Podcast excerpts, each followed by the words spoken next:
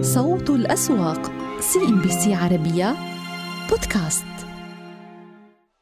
أهلا بكم مشاهدينا. نبدأ مع إغلاقات مؤشر بورصة عمان والذي أغلق على آه، مكاسب طفيفة بقرابة ثلاثة أعشار النقطة المئوية. شهدنا اللون الأخضر يغلب على القطاعات سواء المالي الصناعي أو حتى بالنسبة للقطاع الخدمي. جلوبال للاستثمار المالي تصدر قائمة الأكثر نشاطا. نراقب طبعا خلال هذه الفترة نتائج الشركات للربع الأول الربع الثاني والنصف الأول من هذا العام. وطبعا تحركات أسعار النفط التي عادة ما تنعكس على الأقل على معنويات المستثمرين في البورصات الخليجية.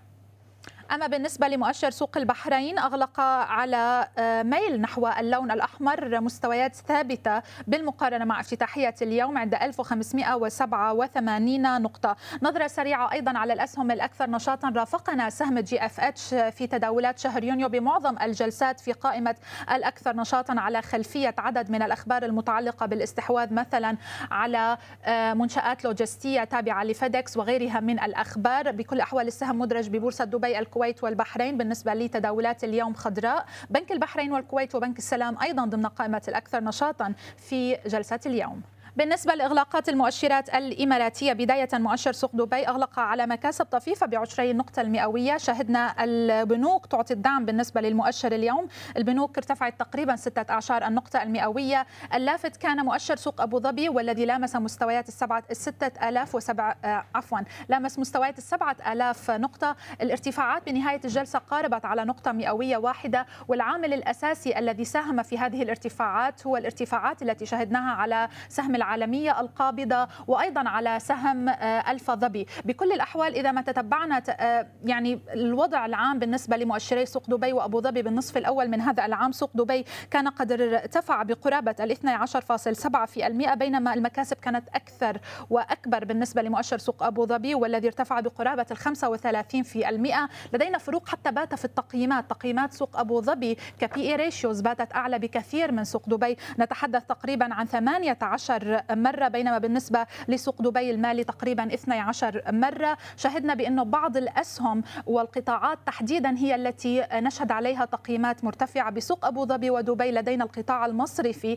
وبسوق دبي تحديدا آه، شهدنا تقييمات مرتفعة جدا لأسهم آه، لها علاقة بإعمار. وتحديدا أتحدث هنا عن إعمار مولز. نحن نتحدث عن تقييمات تصل ل 40 مرة. والسبب طبعا الارتفاعات التي كنا قد شهدناها على آه، سعر السهم بينما كنا قد شهدنا بأن نتائج الشركة سواء للربع الأول من هذا العام حتى الآن لم تستعيد مستويات ما قبل جائحة كورونا. بكل الأحوال هذه قائمة الأكثر نشاطا في دبي لدينا إعمار مولز الاتحاد العقارية وأمانات. وكما كنا نتابع بسوق أبو ظبي لا نزال نراقب سهم بنك أبو ظبي الأول العالمية القابضة وألفا ظبي وأيضا الدار العقارية طبعا من ضمن ما نراقبه من أسهم. هذه الثلاث أو أربعة أسهم هي التي استحوذت على معظم تداولات اليوم. وتأكيدا لما نشرته CNBC عربية وقعت شركة إعمار العقارية الإماراتية على الشروط النهائية لإصدار شهادات ائتمان بقيمة 500 مليون دولار بعائد سنوي قدره 3.77% تستحق في عام 2031 وبحسب الشركة فقد تم تسليم تلك الشروط إلى سلطة دبي للخدمات المالية وسوق ناسداك دبي لإدراج الشهادات في الجدول الرسمي. وأخبار من السوق الاماراتي وردت قبل قليل حيث أعلنت مجموعة موانئ دبي العالمية عن استحواذها على 100% من شركة syncreon المتخصصة في الخدمات اللوجستية والتي تتخذ من الولايات المتحدة مقرا لها في صفقة تقدر بمليار و200 مليون دولار. ومن المتوقع أن تكتمل في النصف الثاني من العام الجاري. يذكر أن الشركة التي استحوذت عليها موانئ دبي تعمل في تصميم وتشغيل سلاسل التوريد لقطاعي السيارات وأيضا التكنولوجيا. كان لدينا أداء لافت بالنسبة لمعظم البورصات الخليجية في النصف الأول من هذا العام مدعومة بارتفاعات أسعار النفط من جهة وأيضا عوامل أساسية كان لها آه، دور في هذا الدعم بالنسبة لبورصات محددة. وهنا أقصد مؤشر سوق أبو ظبي والذي لامس في جلسة اليوم مستويات السبعة آلاف آه، نقطة. كنا قد شهدنا آه، القيمة السوقية لهذا المؤشر تتجاوز التريليون درهم لأول مرة في تاريخه. والعامل الأساسي الذي ساهم في هذه المكاسب القياسية القياسية كان ملف إدراج ألفا ظبي. طبعا مع هذا الإدراج شهدنا ارتفاعات قياسية على أسهم مثل العالمية القابضة IHC والتي آه، شهدت ارتفاعات بالنسبة للسهم بأكثر من 24% في النصف الأول من هذا العام تزامنا مع إدراج آه، شركة ألفا ظبي. اليوم في هذه الجلسة تستمر المكاسب في أولى جلسات التداول للربع الثالث من هذا العام استمرت المكاسب على العالمية القابضة وأيضا على ألفا ظبي وبالتالي أخذت المؤشر إلى هذه المستويات القياسية. الجدير بالذكر بأنه بات لدينا فروقات بالتقييمات ما بين سوق دبي المالي وسوق أبو ظبي. سوق دبي يتداول عند مكررات ربحية بحدود الثلاثة عشر مرة بينما بالنسبة لسوق أبو ظبي نتداول على مكررات ربحية قريبة من التسعة عشر أو ثمانية عشر مرة. جزء كبير من الارتفاعات التي شهدناها في تقييمات سوق أبو ظبي يعود إلى تقييمات القطاع المصرفي وهذه سمة لاحظناها بمعظم البورصات الخليجية بأن القطاع المصرفي عاد كتقييمات لتقييمات ما قبل جائحة كورونا. والآن بات على آه، نتائج المالية لهذه المصارف. في الربع الثاني أن تبرر هذه التقييمات المرتفعة أو ربما قد نشهد تراجعات على هذه التقييمات وخصوصا مع التحديات الاقتصادية التي قد نواجهها في النصف الثاني من هذا العام والمتعلقة بتحورات فيروس كورونا والتداعيات الخاصة بهذا الملف. عموما إذا آه، المكاسب التي شهدناها على مؤشر سوق أبو ظبي كانت لافتة. لدينا آه، المزيد من الطروحات التي ننتظرها وتحديدا بما يتعلق بالياهسات شهدنا بأنه سوق أبو ظبي سحب إلى جزء كبير من السيولة تجاه آه، هذا السوق بالمقارنة مع البورصات الخليجية الأخرى وخصوصا بسبب ملف الطروحات. نراقب الآن نتائج الشركات وتحديدا القطاعات التي تعتبر حساسة للدورة الاقتصادية وحساسة للمعطيات الاقتصادية. ومن جهة أخرى نراقب أيضا تطورات ملف أسعار النفط لأنه على الرغم من أنه أحيانا كنا نشهد تجاهل للبورصات أو بعض البورصات الخليجية لهذا الملف إلى أنه يعطي دعم بالنسبة للسنتمنت أو المعنويات الخاصة تحديدا بالمستثمرين الأجانب على البورصات وانكشافهم على البورصات الخليجية. على كل من الأسهم التي كنا نتابعها إذا على مدار الربع الثاني من هذا العام وحتى آه، بداية آه، الربع الثالث من هذا العام كان سهم العالمية القابضة الدار العقارية الفضبي وأيضا نتابع أسهم القطاع المصرفي مثل مثلا أسهم بنك أبو ظبي آه، الأول والذي أيضا شهد مكاسب قياسية بتقريبا 30% في النصف الأول من هذا العام بتقييمات بلغت 17 مرة. يعني التقييمات باتت قريبة جدا من تقييمات سوق أبو ظبي بشكل عام. وهذا كان أداء مؤشر سوق أبو ظبي. وطبعا الأبرز كان الوصول إلى هذه المستويات القياسية بالقرب من 7000 نقطة. نتحدث عن أداء الأسواق الإماراتية ومؤشري سوق دبي وأبو ظبي في أولى جلسات الربع الثالث مع زميل أسيد خريسات ينضم إلينا من سوق دبي المالي. أسعد الله صباحك. عفوا أسعد الله مساءك بكل الخير. أسيد وكل أوقاتك وأوقات المشاهدين على كل أداء لافت لا نزال نشهده سواء بالنسبة لسهم العالمية القابضة أو حتى ألف ظبي. آه، أوصل مؤشر سوق أبو ظبي لمستويات قياسية جديدة بالقرب من 7000 نقطة. هل وصلنا ل يعني المستويات الأعلى أعلى بالنسبة للعالمية القابضة برأيك أو لا يزال هناك مجال للمزيد من الارتفاعات؟ أهلا بك سعد أوقاتك مي والساده المشاهدين. نبدأ من سوق أبو ظبي، سوق أبو ظبي طبعا هذه الارتفاعات القياسية كما ذكرتي في النصف الأول أو حتى على الربع الثاني بدعم واضح من الأسهم القيادية في السوق بطبيعة الحال، أبو ظبي الأول يرتفع بأكثر من 18 في المئة في النصف الأول بالنسبة للعالمية القابضة ترتفع بأكثر من 180 في المئة، القيمة السوقية تتجاوز التريليون درهم طبعا لأول مرة خلال الأسابيع القليلة الماضية وذلك بسبب ارتفاع القيمة السوقية من جهة وارتفاع الأسعار.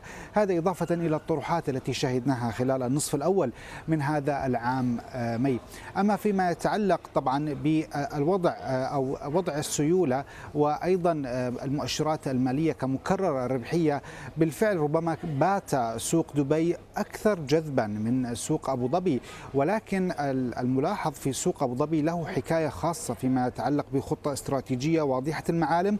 بدأ التخطيط لها منذ بداية 2021 وممتدة هناك صنع سوق قوي. هناك سيولة واضحة من محافظ محلية ما زالت تضخ الاستثمارات. وحتى لو كانت في أسهم أسهم بعينها نحن اليوم فقط أربعة أسهم هي تستحوذ على تقريبا 80 إلى 90% من قيم التداولات. نحن نتحدث عن العالمية القابضة كما ذكرت والتي وصلت إلى مستويات هي الأعلى أكثر من 130 درهم. الدار العقارية أبو ظبي الأول وأيضا الوافد الجديد أو الضيف الجديد في سوق أبو ظبي وهو ألفا ظبي. وما زال منذ بداية إدراجه خلال هذا الأسبوع يشهد أيضا سلسلة من الارتفاعات. خامس جلسة على التوالي خلال هذا الأسبوع. وبالتالي يغلق أو يصل إلى هذه المستويات التاريخية الجديدة. سبعة ألاف يعني نقطة قد وصلها خلال خلال الجلسة ولكن نوعا ما تراجع مع تراجع أرباح الأسهم القيادية آه، في تقريبا آخر ربع ساعة أو آخر عشر دقائق ما قبل الإغلاق في سوق آه، أبو ظبي. نعم. وبالتالي التركيز واضح من قبل المحافظ المحلية مي آه، ليس على مكررات الربحية أو غيرها من المؤشرات بل هناك خطة استراتيجية تعمل عليها. أما فيما يتعلق بسوق أبو ظبي بالفعل هي في سوق دبي تعتبر مغرية لها حتى لو قورنت بال GCC markets أو بأسواق الخليج هي بالفعل تعتبر مغرية لأن المعدلات العامة تفوق ال 18 وحتى 20% كمعدل عام بالنسبة للأسواق الخليجية. نحن نتحدث عن اختبار مستويات أيضا ما زالت هي عالقة لمدة أسبوعين تقريبا حتى هذه اللحظة. نحن نتحدث عن مستويات ال 2840 خلال هذا الأسبوع كان من المتوقع بأن نشهد عمليات تصحيح على المدى القصير وقد أه. هذا هذا ما شاهدناه.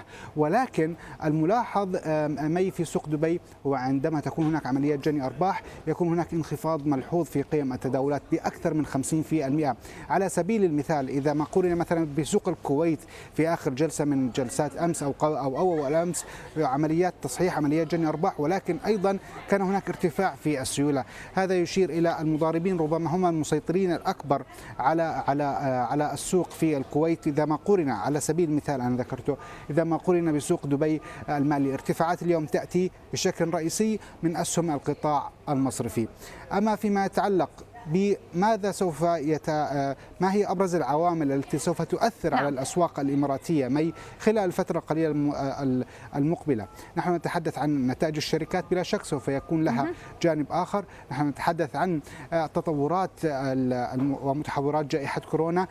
هناك أكثر من حدث سوف يكون international أو دولي بلا شك سوف أو يعني تركيز عليه لأنه سوف يدعم اقتصاد طبعا. دبي والإمارات بشكل عام خلال النصف النصف الثاني من عام 2021 نحن نتحدث عن معرض أبو معرض دبي للطيران وإكسبو 2021 طبعا. وبالتالي لابد من أن تكون حكومة دبي أكثر ذكاء إذا صح التعبير فيما يتعلق بنوعية التقييد أو إذا كان هناك إجراءات احترازية لانتشار هذه المتحورات الجديدة من فيروس كورونا لأنه بلا شك سوف تؤثر على نفسية المستثمرين بطبيعة الحال في نهاية المطاف. شكرا جزيلا لك أسيد خريسات كنت معنا من سوق دبي المالي. صوت الأسواق CNBC عربية بودكاست. مكاسب بسبعة أعشار النقطة المئوية بالنسبة لمؤشر البورصة القطرية في أولى تداولات الربع الثالث من هذا العام. حقق المؤشر ارتفاعات في المئة في الربع الثاني من هذا العام. هذه كانت أعلى ارتفاعات سجلها في تقريبا خمسة أعوام. بعد تداولات كانت إلى حد كبير في نطاق ضيق جدا بالنسبة لمؤشر البورصة القطرية على الرغم من تفاعل البورصات الخليجية الأخرى مع العديد من الأخبار الإيجابية إلى أنها آه، تم تجاهلها بالكامل من قبل مؤشر البورصة القطرية. اليوم القطاع الصناعي يدفع بالمؤشر إلى هذه المستويات. وتحديدا أتحدث هنا عن أسهم مثل مساعيد مثل صناعات قطر. قطاع الصناعة ككل اليوم ارتفع بالجلسة 18 النقطة المئوية. وكان لدينا أيضا مكاسب بالنسبة لقطاع قيادي آخر وهو القطاع المالي الذي ارتفع بقرابة 13 النقطة المئوية. هذه قائمة الأكثر نشاطا. الجدير بالذكر أنه عندما ننظر إلى الأسهم اليوم كل الأسهم خضراء. المكاسب الأكبر بالنسبة لبروة وأوريدو. وناقلات. بالنسبة لبروة نتحدث عن تقريبا 3.4 في المئة لو فقط نلقي نظرة على الأسهم الأكثر ارتفاعا.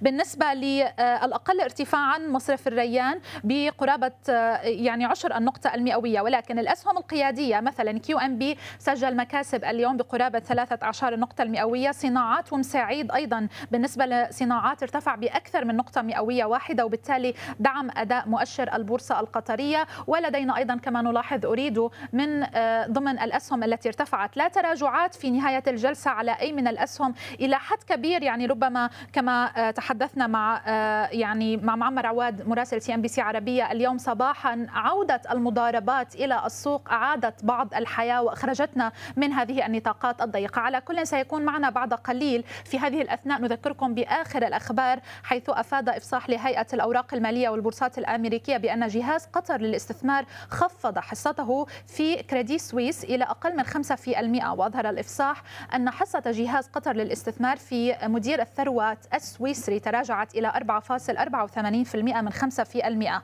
ولم يذكر الإفصاح سبب الخفض الطفيف لهذه الحصة. أيضا في البيانات القطرية ارتفعت تحويلات العاملين في قطر إلى الخارج خلال الربع الأول من العام الجاري بنسبة 12.8% على أساس سنوي لنحو 12 مليار ريال وفق بيانات مصرف قطر المركزي. وطبقا للمركزي بلغت قيمة التحويلات الوافدة إلى قطر في الربع الأول من العام الجاري نحو 1.5 مليار ريال بارتفاع نسبته 41.8% عن مستواها في الفترة المماثلة من العام الماضي. نعود لمعمر عواد. مراسل CNBC عربية ينضم إلينا من الدوحة. أسعد الله مساءك بكل الخير. معمر يبدو وكأن يعني التداولات المضاربية هي من أعادت الحياة لمؤشر البورصه القطرية في جلسة اليوم مع هذه المكاسب التي شهدناها بتقريبا نقطة مئوية واحدة أو هناك أسباب أخرى. نعم حقيقة عودة النشاط المضاربي بدأ يعني يبعث الحياة في السوق مرة أخرى بعد فترة طويلة من الرتابة والتحرك ضمن نطاقات ضيقة. هذا الأمر بدأنا نلحظه خلال الجلسات هذه الجلسة والجلستين الماضيتين هناك شيء ما بدأ يتغير حقيقة من خلال تدفق آه، آه، الرساميل المضاربية وهذا حقيقة آه، أخذ معه أيضا القياديات. شفنا اليوم في ارتفاعات كانت جيدة على مستوى قطاع المصارف وأيضا على قطاع الصناعة. وشفنا صناعة قطر عفوا أكثر مكاسب أكثر من 1% سعيد. وبالتالي يبدو أنه بدأنا أو السوق أخذ يفتح صفحة جديدة مع بدء تداولات شهر آه، يوليو تموز آه، الجاري. وربما سوف تستكمل مع آه، انطلاق قطار إعلان الشركات عن بياناتها المالية للربع الثاني من هذا العام. يعني كل هذه الأمور تصب يعني في في في بوتقة أو القراءات انه السوق ربما قد يستهدف مستويات فنية جديدة. لكن لا أريد أن أفسد على الجميع حقيقة مكاسب هذه الجلسة. ولكن عم نشوف مكاسب بأكثر من 17 نقطة المئوية وفوق مستوى 10800 نقطة. ولكن بكم؟ ب 335 مليون ريال قطري. هي أقل عن يعني بكثير عن متوسطات التداولات التي كانت بحدود ال 500 مليون في الربع الأول من هذا العام إذا يعني صحيح في عندنا نشاط مضاربي وبالتالي عم تتوزع الكعكة على عدد من الأسهم شفنا في قامكو بن قطر الأول السلام بلدنا وهذه الثلة التقليدية اللي عم يعني عم يكون فيها تدوير سيولة ولكن ما عم نوصل لمستهدفات 500 مليون ولكن بكل الأحوال تسجل السوق إغلاق فني مهم جدا حقيقة مع بداية مع نهاية. تداولات نعم. هذا الأسبوع وفتح صفحة جديدة من تداولات الربع النصف الثاني من هذا العام. آه، معمر سؤال آخر. ارتفاع تحويلات العاملين في قطر إلى الخارج خلال الربع الأول من هذا العام بتقريبا 12.8% على أساس سنوي. إلى أي مدى كانت هذه الأرقام متوقعة بالنظر إلى يعني الارتفاع الذي شهدناه في تحويلات العاملين؟ طبعا يعني لاحظنا خلال هذا الربع نعم بالفعل هذا بحسب قراءة يعني بيان ميزان مدفوعات الصدر عن مصرف قطر المركزي. كان في عندنا نمو حقيقة في آه، آه، تحويلات العاملين في قطر تقريبا 13 نتحدث عن 12 مليار ريال قطري. وهذا يعني أمر في إطار المتوقع حقيقة يعني في ظل بأنه آه، يعني التركيبة السكانية في قطر يعني تقريبا 90% من اليد العاملة. شفنا يعني بعد جائحة كورونا والانفراجه اللي حصلت في قطاع الأعمال واستقرار الأمور نوعا ما مع استكمال موجة اللقاحات. شفنا في تحسن على مستوى قطاع الأعمال وفتح الأبواب أمام تحويلات العاملين في في قطر باتجاه الخارج وهذا كان يعني معدلات نمو إلى حد مقبولة وعدنا إلى متوسطاتها كما كانت عليه في العام 2019 ولكن مثل ما بنعرف إنه الحساب الجاري أو التحويلات الجارية هي جزء من الحساب الجاري المكون في ميزان المدفوعات اللي شفنا كان في نمو كبير حقيقة في ماي بالربع الأول من هذا العام بنسبة نمو 142% نتحدث عن 9 مليارات مليون ريال قطري وهذا يتماهى مع التوقعات وتقديرات صندوق النقد الدولي أنه ممكن نشوف هذه السنة فائض في الحساب الجاري بأكثر من 2.5% من إجمالي الناتج المحلي الإجمالي. وبالتالي دائما التحويلات الخارجية بتأثر على الحساب الجاري ولكن بالمجمل شفنا الارتفاع الحاصل في الميزان التجاري السلعي وفائض الميزان التجاري السلعي تجاوز مستوى حدود 40 مليار 2 مليون ريال قطري. دعم هذا النمو في الحساب الجاري. أضف أنه أيضا لكن هناك ما أثر على ميزان المدفوعات اللي بقي حقيقة في آه، في إطار العجوزات. يعني صحيح كان في تقليص في العجوزات في ميزان المدفوعات بأكثر من 84% ولكن بقينا عند عجوزات ب 623 مليون ريال قطري نتيجة إنه كان في عندنا آه، يعني آه، يعني زيادة العجز في الحساب المالي والرأسمالي فبالتالي أثر بشكل أو بآخر على يعني الفائض نعم. المتوقع في ميزان المدفوعات ولكن إلى حد كبير كان الحساب الجاري داعم لتلك الارتفاعات ولكن أيضا يعني تحويلات العملية وإن كان لها إيجابية ولكن كما نعلم لها تأثير بالمجمل على الحساب الجاري بالنهاية. شكرا جزيلا لك معمر عواد على هذه المتابعة.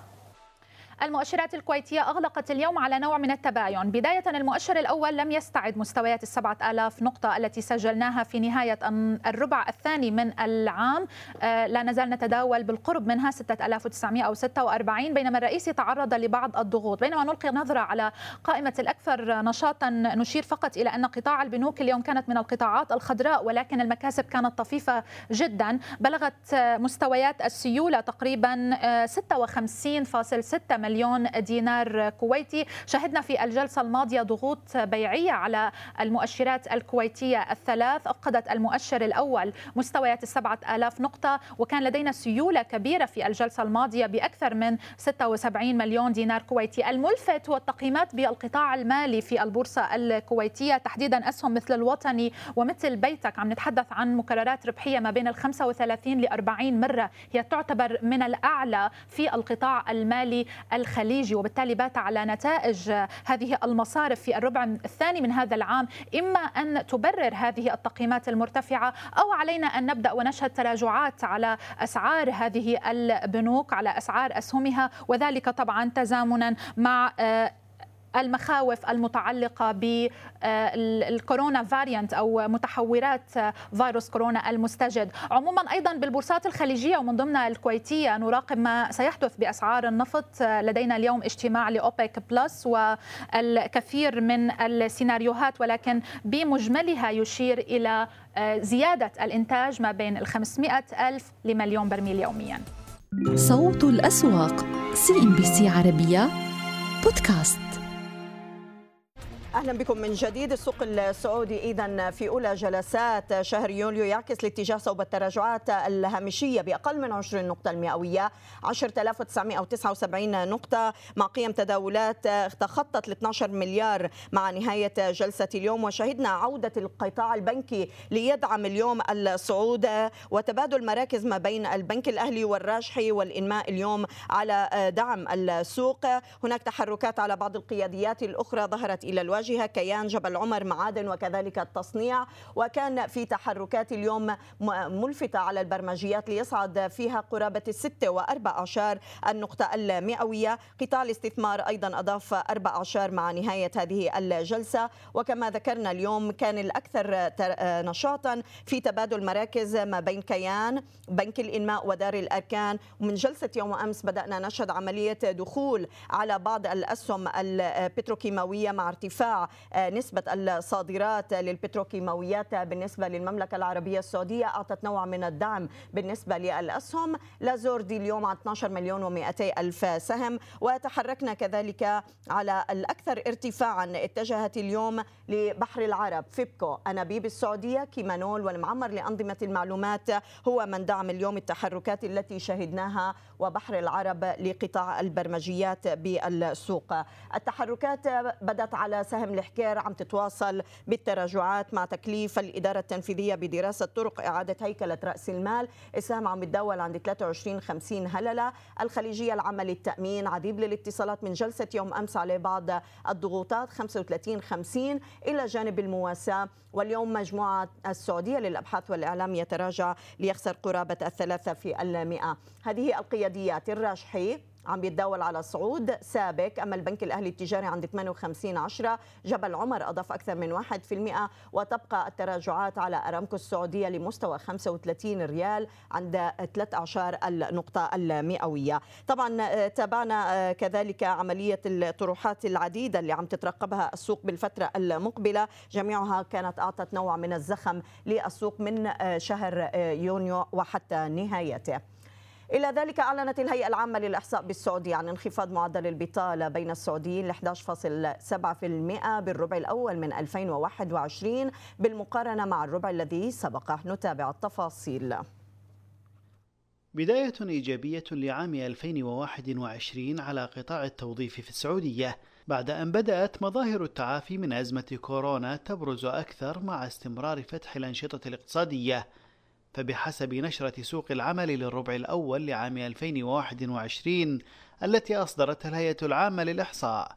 انخفض معدل البطالة الإجمالي السعوديين الذكور والإناث من 15 سنة فأكثر ليبلغ 11 و17% في الربع الأول من عام 2021 وذلك مقارنة ب 12 و16% خلال الربع الأخير من عام 2020 أي أن مستوى البطالة أقل منه في مستواه قبل جائحة كورونا. ولقي قطاع التوظيف في المملكة دعما من استمرار تحسن أداء الاقتصاد لا سيما مع نمو الاقتصاد غير النفطي في السعودية بأربعة وتسعة عشر في المئة مقارنة مع الربع الأخير من العام الماضي مدعوما من توسع القطاع الخاص بستة وثلاثة عشر في المئة. وكذلك استمرار نمو الاقتصاد السعودي والذي يتوقع صندوق النقد الدولي. أن ينمو هذا العام ب 22% خاصة بعد أن انكمش 24% في عام 2020 وكان للخطط الحكومية في السنوات الأخيرة دور أساسي في دعم التوظيف بعد التوسع في سعودة الكثير من القطاعات لا سيما في التجزئة والمولات بإلزام الشركات بتوظيف السعوديين فقط في الكثير من المهن والمحلات وشهدت السنوات الأخيرة تواجدا واضحا للسعوديين في مختلف القطاعات كما ارتفع معدل مشاركة المرأة خلال الربع الأول العام الحالي ليصل إلى 33 و16% مقارنة ب 32 و20% في الربع الرابع من عام 2020 وذلك بحسب ما أورده تقرير مسح القوى العاملة الأخير. عطل الشمري CNBC عربية. الرياض. للحديث أكثر طبعا حول تداولات السوق ينضم إلينا دكتور عبد الله باعشن رئيس مجلس إدارة Team One للاستشارات المالية. أحييك دكتور واهلا بك معنا. اليوم يعني بداية شهر جديد وفي ملامسة لمستويات ال 11000 نقطة لكن يتواكب هذا الارتفاع أيضا مع ترقب الاجتماع للجنة أوبك بلاس اللي سينعقد اليوم. إلى أي مدى ممكن يحدث أي تغيير بالنسبة للقرارات؟ قد تؤثر على أسعار النفط اللي واصلت صعودها فوق مستويات ال 70 دولار برأيك وممكن نشوف انعكاسها على السوق. مرحبا بيسا ومرحبا بمشاهدي ومشاهدات ال CNBC ما في شك أنا أعتقد أول في تسارع الأخبار آه تسارع آه الأنباء كذلك أنا أعتقد تسارع السوق. وبالتالي أنا اجدك انت كذلك تلهدي فأنت قادرة تحصلي ما هي الخبر الذي ترسليه وتزفيه الاخبار كثيره والله يا دكتور تمام. خذي لك ميه حناخذ هلا. في الواقع دعينا نرجع الآن للجد يعني وللسوق أول حاجة أنا أعتقد دعينا ننظر إلى مؤشرات اقتصادية مهمة. ودعينا نركز الحقيقة على معدل البطالة، معدلات البطالة دائما أو مؤشرات البطالة من أهم اقتصاديات من أهم المؤشرات في اقتصاديات العالم. كيف إلا في اقتصاد يحاول أن ينتقل إلى مرحلة أخرى وهي عملية المشاركة الأكبر للمواطنين السعوديين سواء كان شباب أو أو أو شابات. هذه من الناحية الاقتصادية طبعا أنا أعتقد انخفاضه إلى 11.7 كذلك بالنسبة للعنصر الفيبيل بانخفاضه من حوالي 31 إلى 24 فأعتقد قفزات تعني بالاقتصاد معنا. زيادة الدخل زيادة الدخول في الأسواق زيادة وضع حزم أو دفعات جديدة في الاقتصاد. فاذا هذا هو المؤشر الرئيسي. والمؤشر الأهم كما تكرمتي إحنا في منتصف عام آه، اليوم اجتماع أوبك السعر آه، لامس 76 دولار وهو تقريبا سعر التعادل بالنسبة للموازنة السعودية. لو لاحظتي سعر البترول في الأربع شهور هو حقق الحقيقة أكثر من 50 في في في في المية. نعم. وبالتالي وجدنا إنه أصبح آه، الودائع في البنوك السعودية ارتفعت إلى 2 تريليون ريال سعودي أو ما يعادل 750 بليون ريال آه، دولار آه، أمريكي. وهذا يمكن لأول مرة يصل إلى هذا الرقم في الثلاث سنوات الماضية. هذه العوامل أو الجوهرية اللي حصلت على السوق. نرجع مرة أخرى للمؤشر المؤشر الحقيقة هنا يجب أن ينظر إليه بتفاؤل، لماذا أقول بتفاؤل؟ آه، لأن المؤشر الحقيقة أعطانا مؤشرات كاملة إنه سيكسر ال 11000 وصل إلى 11990 نعم ولكن هناك الحقيقة آه، عملية عدم ارتفاع المؤشر إلى 11 حتى يبدأ النصف الآخر من من العام وهو بداية اليوم وخاصة إن المؤشر من بداية العام إلى نهاية الست شهور ارتفع 24% طيب أعود للقطاع البنكي لأنه واضح إنه اليوم في تبادل مراكز ما بين الرجح وما بين الأهلي والإنماء لدعم السوق آه، دكتور. وإحنا شفنا نتائج البنوك بفترة النصف الأول 2021 صار فيها تطور ملحوظ يعني مقارنة بالنصف الأول 2020 تحول من الخسائر إلى وتراجع الأرباح إلى الارتفاع بالأرباح.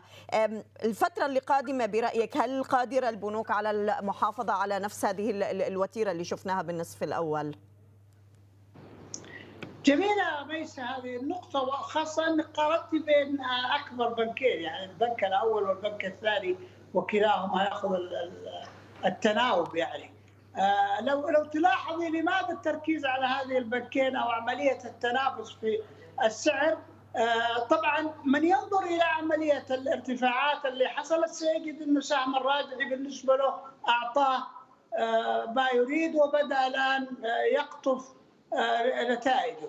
البنك الاهلي الحقيقة يمكن مرحلة الاندماج أخرته قليل ولكنها في نفس الوقت أعطته دفعة قوية بأن يتبوأ مركز عالي. فبالتالي هناك مساحة كبيرة في تحريك سهم الأهلي بسرعة أكثر من الراجحي وهذه نظرة تحليلية فقط. لا أكثر آه، ولا أقل. آه، هل قطاع البنوك حيستمر إلى نهاية العام بهذا الزخم؟ آه، نعم لأن مخرجات القطاع البنكي أول حاجة حاجة الشركات أو وحدات الاقتصاد ووحدات السوق إلى عملية الاقتراض، ارتفاع زي ما أشرت عملية الودائع، الاكتتابات القادمة واللي هي الحقيقة قد تكون اكتتابات نوعية في قطاعات اقتصادية ولكن ليست نوعيه في شركات. نعم. وهون الاكتتابات اليوم عم نشهد أكوا باور يعني واحدة من أكبر الشركات التي تعمل بقطاع الطاقة والمياه دكتور قد إيه رح يكون لها أثر يعني وخصوصا إنه إحنا عم نحكي عن نسبه عن نسبة هي أقل من 30% فقط 11% سيتم طرحها بالسوق ليس آه، لو نتكلم عن الأثر فالأثر الاقتصادي ما في شك يعني لو نظرت إلى أكوا باور ستجد انها آه، تستثمر في شرق آسيا وفي وسط آسيا تقريبا في منطقة آسيا. فبالتالي تنعكس على الميزان المدفوعات والميزان التجاري بالإضافة إلى أنه كذلك لديها استثمارات في حدود 61 آه، بليون دولار آه، في هذه ثم أن الشركة النموذج التجاري تبعها يبدأ من عملية تطوير ثم تشغيل واستثمار وتشغيل فهي اذا شركة ذات آه، منصات مختلفة تستطيع أن تعوضها في فترات الأزمات لو حصل في فترة من الفترات في أي آه، منطقة فاذا هي تعطيني تعطي الداخل إلى هذا السهم أو المؤشر أو إلى الشركة آه، نوع من الاطمئنان بالنسبة لانخفاض ال risk وليس انعدام ال risk. لو نظرتي بالنسبة للسوق وانعكاساتها على السوق عند الطرح أول حاجة النسبة إذا نظرتيها هي 11% فهي نسبة بسيطة جدا حسب موقع الشركة وحسب القوائم اللي بدأت تتداول. لا أدري هل هي صحيحة أو لا. الشركة لديها أصول عالية جدا. دعمها كذلك أنا أنظر إليها كأنها private placement دخول صندوق الاستثمار قبل حوالي في بداية العام فهذا أعطاها انه هناك كان ملاك ما يسمى بالملاك الملائكي الملائكيين دخلوا حتى يحصلوا على هذه الشركة وهذا تعطي للمستثمر أو للداخل في سهم هذه الشركة نوع من القناعة. نعم. اليوم بدأ تطبيق كود البناء السعودي دكتور على المشاريع السكنية. وهنا يجب أن نسأل يعني قديش راح يكون له تأثير على العقار وشركات العقار من ناحية وأيضا هذا سينسحب عليه تأمين إلزامي بالنسبة للمساكن أيضا من جهة القطاع التأميني. ميسا هنا خرجنا من عملية السوق وحركة السوق والشركات وقوة الشركات. هي إجراءات أو الأنظمة وانعكاساتها الحقيقة على الاقتصاد لأنه أو على الشركات بالأصح فأنا أعتقد أنه السوق العقار أو سوق التطوير العقاري لا زال في مرحلة عدم النضج لا زال في مرحلة الانتقال من العشوائية إلى عملية التنظيمية. طبعا هو في البداية سيدفع الحقيقة تكلفة عالية نتيجة لهذه الاشتراطات ولكنها في الآخر ستكون تجعل من هذا القطاع أقوى وأكثر قبول وسلعة يتقبلها الناس أكثر وبالتالي تزيد إمكانيات الشركات وأرباحها ونشاطها. في نفس الوقت استفاد منها قطاع التأمين وهذا اللي دائما لو نظرت من بداية ما تحلل السوق السعودي إن قطاع التأمين كان الكثير الاختلاف عليه إنه ضعيف الملاءة المالية، إنه ليس لديه منتجات، الآن أعتقد بالتدخل الجيد للبنك المركزي أصبح قطاع التأمين لديه مساحة كبيرة أن نرى في السنوات القادمة قد يقود سوق الأسهم. نعم. نشكرك دكتور عبد الله باعشن رئيس مجلس إدارة Team 1 للاستشارات المالية. نتمنى لك weekend سعيد مليء بالأرباح إن شاء الله مع هذه الإغلاقات. صوت الأسواق سي ام بي سي عربية بودكاست.